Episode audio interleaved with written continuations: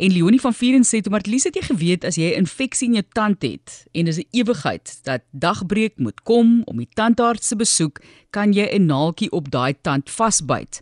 Voel of hy hom verdoof en verlig die pyn. Ek weet van 'n familielid wat ver uit die dorp gewoon het waar die naaltjies se so elke keer vasbyt is die infeksie daar sit en dis 'n tipe van natuurlike antibiotikum sê die luisteraar. Nou baie dankie daarvoor Leonie. En ek moet sê jy weet jy dink daaroor see gaan dit lekker met die mediese sake en hierdie persoon sê nou dit gaan lank wees tot die son opkom en jy nou die dokter kan gaan sien die tandarts kan gaan sien en ek onthou baie jare terug het daar my suster hulle bly in Engeland nou al vir meer as 30 jaar daarso gaan werk en toe nou met die Britte getrou en die een nag dis 'n paar dae ek gaan kuier daar in 1997 onthou ek baie goed en sy het verskriklike tandpyn dit was so 'n tipe van abses. En hulle sê vir haar sy kan eers 'n afspraak kry om die ding reg te maak oor weke soos weke. En dan ek vaar nou brandewyn in die nag gevoer net dat sy kan slaap praat ek nou agter my susters rug wat nog glad nie luister op hierdie stadium nie maar uh, ek wens nou ek het 'n naaltjie gehad. Dit klink vir my bietjie gesonder maar net om 'n idee te gee ook van hoe lyk die mediese sake in Engeland. Hetta van Deventer Blanche is aan die woord en sy is ons kultuur en koshistorikus en ons fokus op naaltjies. Welkom Hetta so het jy al so 'n naaltjie op jou tand gesit om beter te voel middag maar maar Martelies nee ek het nog nie maar jou luisteraar is heeltemal reg. 'n naaltjie is 'n um, natuurlike verdowingsmiddel en dit is vroeër gebruik daarvoor so heeltemal 'n baie goeie boere raad Jy het 'n baie interessante storie ook uit die 1600s, maar wat is 'n naaltjie? Jy het 'n baie mooi foto wat jy vir my gestuur het wat jy in 2014 geneem het van 'n naaltjie wat nou vars gepluk is en dit lyk na die pragtigste blommetjie. Ek het dit ook op sosiale media gedeel. Geniet vir ons 'n agtergrond van die naaltjie en wie dit vir die eerste keer gebruik het. Daai 'n uh, foto wat ek vir jou geneem het is inderdaad 'n 'n naaltjie wat nog ehm um, groen is. So naaltjies ehm um, kom groei eintlik aan 'n boom en die boom blom twee keer 'n jaar. So 'n mens kan seker 'n lekker wins maak of 'n lekker oes maak van dit. So die wat, laat ek vir eers vir jou verduidelik wat is 'n naaltjie? Dit is eintlik maar 'n 'n blommetjie wat voor hy oop is. Hy's heeltemal volwasse dan word hy gepluk maar hy het so 'n pinkerige uh, kleur jy sal sien op daai foto en dan word hy gedroog en dit is wat ons 'n naaltjie noem omdat hy ook daai kenmerkende ehm um, kanaaltjie vorm het.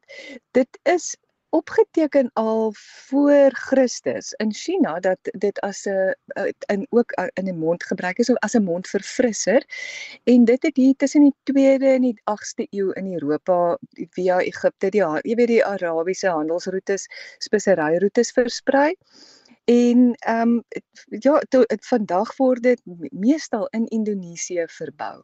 So naaltjies is 'n van die oudste en bekendste speserye in ons geskiedenis. So interessant hierdie roete wat ons saam met jou volg het daar en die studie wat sy natuurlik ook al gedoen het van kos agtergrond maar gee vir ons 'n idee van die gebruik daarvan. Wie toe nou dit kom nou van daar vir die eerste keer gebruik waarvoor? En spesifiek dan nou jy sê dit was 'n saak van lewe of dood dit was nog 'n saak van lewe en dood kyk en nakie het 'n baie sterk geur. En soos jy mos nou ook weet, party mense hou daarvan, party mense hou nie daarvan nie. Toe die Europeërs dit nou eers ontdek, was hulle absoluut versot daarop. En so het die Portugese toe nou eers die monopolie daarop gekry want omdat dit in Indonesië verbou word, het hulle toe nou eers die monopolie gehad waarna die Hollanders baie sterk uh, arm gedruk het en toe uiteindelik die beheer oorgeneem het. Weet jy die Hollanders was so ehm um, uitgeslaap. Hulle het die die nakiebome verwoes net op twee klein uh, eilande, twee klein plekkies het hulle die nakiebome uh, behoue laat bly sodat hulle natuurlik nou 'n oog daaroor kan hou en dit was lewe en dood. As jy gevang is dat jy handel dryf of seker maar smokkel of 'n stukkie plat materiaal uit uitneem, is kon jy met die doodstraf gestraf word. So ehm um, dit dit was 'n dit was 'n baie duur spesery ook geweest, baie gesog geweest.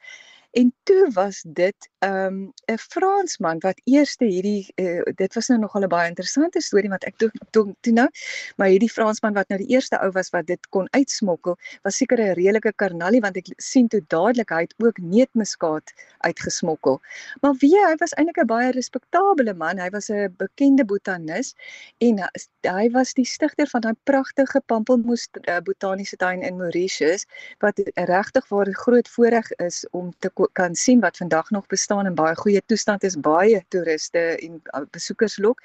So hy het toe in die 1700s het hy dit uiteindelik uh, uitgesmokkel, maar vandag word daar nog steeds 70% van die wêreld, min of meer 70% van die wêreld se donkies word nog steeds in Indonesië verbou. En hulle noem dit ook die boom wat altyd die see sien, want ehm um, hy moet naby die see gekweek word. Het daar praat met ons oor die gebruik daarvan in resepte want ek moet nou eerlik wees daar's baie mense wat nie van naaltjies hou nie wat sê ag hulle kan dit nie verdra nie veral as jy nou 'n gereg eet. En ek is een van daai mense wat voel kyk as ek daai kardemom of daai naaltjie gehap het en ek het hom gesluk dan is ek 'n gesonder mens vir een of ander rede. So ek aanvaar dat hy in my kos gaan wees maar baie mense hou nie daarvan nie. Wat is jou opinie van die smaak van 'n naaltjie en wat dit bydra tot ons geregte? My opinie van 'n naaltjie is moenie te veel. Jy moet spaarsamig gebruik, maar ek hou van 'n naaltjie. Maar vir die mense wat nou nie, ek gaan nou vir jou sê wat die kos gebruik is, maar die mense wat nou nie hou van 'n naaltjie nie, het ek nou 'n ander oplossing want dit is 'n gesonde, daai het gesondheidsvoordele dit het ek nou nie geweet nie en ek het dit nou eers geraak gelees. Naaltjies in Indonesië waar die meeste van die uh, wêreld se naaltjies nou verbou word, word 90% van die produksie, hulle praat van die produksie so groot as 30000 ton gerook martelies. Nou kan jy jou indink dat jy nou 'n naaltjie rook. En dit is my toe nou die mooi vreeslike mooi storie. Hulle noem hierdie sigarette Kretek sigarette en is daai mooi Afrikaanse woord wat geluid na bootsing ehm um, beteken. 'n uh, Onomatopee want die blykbaar as jy hulle meng hierdie uh, sigarette, die naaltjies met tabak en as jy hom rook dan kretek hy. En uh, waar hy vandaan kom is uh, iemand wat asmatiese bors gehad het en hy toe uh, uh, dit uh, dit is ook 'n ou raad nê om 'n uh, naaltjie olie op te smeer op jou bors. En toe hy nou die uh, besluit maar hy moet eintlik uh, dit moet nou 'n bietjie hy moet dit beter kan uh, applikeer en hy rook dit toe. En volgens anekdotiese uh, staak het hy dit om toe onmiddellik genees. Dit het soos 'n veldbrand versprei en die sigarette het baie gewild geraak. Daar was ook ander redes. Dit was later as gesien as 'n verset sigaret. Ehm um, jy onthou seker nog die vers, daarvan verset musiek. Nou ja, jy kon ook 'n sigaret rook as verset, maar dis 'n storie vir 'n ander dag. Ehm um, die gebruike, wag, ek wil vir jou vandag 'n geheim vertel en ek het nou wie ek het nie tyd gehad om vir die persoon te vra of ek hom kan sê nie, maar hy is die uh Ke, uh, ke, uh, ek weet nie of jy hom die kellermeester sal noem nie, maar hy is 'n groot hoof van doene van Windmeelkeller, Dani Marie, jy sal seker ken want ek ja. dink jy het al daar jy nie al daar waterblommetjie breedie gekook nie. Ek ek was al 'n paar keer daar, maar ja, nee, ag, ja, hulle is bekend mos maar daarvoor. Ja. Jy was hulle beoordeel al. Ja. Nou Martelies, ek het hom eendag fyn dopgehou en wat ek het gevra dat hy vir my 'n waterblommetjie pot maak en weet jy wat? is sy geheim. Hy gooi 'n knippie naaltjies in. Lekker. So dit moet jy nou volgende keer, maar jy moet nou net so een of twee. Ehm um, Hoor. So die gebreke van navies is ag weet jy nou jy moet hom hy dit is 'n ondersteunende spesery. Sy ehm um, die kenmerkende uh, olie die eugenol wat in sy waar, waarvan jy sy geur kry. Kom ek in kaneel voor. So kaneel en nakies loop goed saam ook ehm um, wonderpeper of soos ons in Engels sê allspice. Regtig waar, moenie te veel van dit gebruik, maar baie belangrike spesery dink ek in ons in ons kokens. En ehm um, ek het ook, weet jy, jy het my gevra vooraf of 'n mens dit rooster. En dit was 'n goeie vraag want weet jy, ek dink nooit daar dis soos koljander, weet jy, onmiddellik jy rooster dit. Ek sal nie sommer 'n naakie, ek gooi dit baie keer so ek hou van in my frikadelles 'n bietjie nakies sit.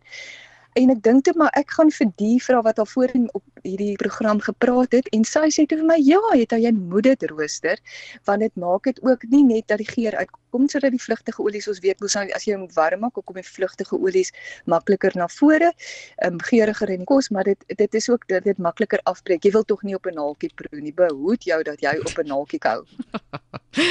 ja, ek gebruik dit deesdae nogal baie vir vleisgeregte en ek 'n mengsel van die koriandersade, naaltjie al die diep meer grond of aardse geure het ek nou die dag ook vir ons gas wat gepraat het oor pikkel het ek gesê dis wat ek doen. En dan sit ek baie keer ook sommer jenever bessies by daai tipe van ding en maak vir hom fyn en dan gebruik ek dit op kos. Ek het dit al op 'n lams uh staander bietjie gesit. Dit was ook nogal lekker maar mens moet nie te veel opsit nie. Ek het baie te veel opgesit. Dankie die SMS'e hierso wat uh, ingekom het. Dit sê nakies is 'n moed in vleisgeregte. Slegs een of twee nie te veel nie. Daar word ook 'n nakie olie gemaak die beste vir tandpyn. As dit as jy dit kan kry groete vir julle vir jou ook daarso. Johan is in Durban. Heerlike dag vir jou in Durban. En die laaste een hierso. Jy kan 'n handvol naaltjies in 'n kwart vol bottel brandewyn laat week vir wanneer dit nodig mag word 'n klein mondjie vol laat die tandpyn saliglik verdoof spuug uit en herhaal wanneer nodig kan in verskeie redes dink hoekom dit sal help met die pyn. Nee, ek dink dis 'n fantastiese idee daai. So dit is soos hy sê, help met die pyn en op die sosiale media blaai het mense ook nogal gesê dit help daarmee. En dan sê iemand daar uit Marlot Park Albi, ek sit so een of twee as ek koopers en pere in lê. Smaak baie lekker.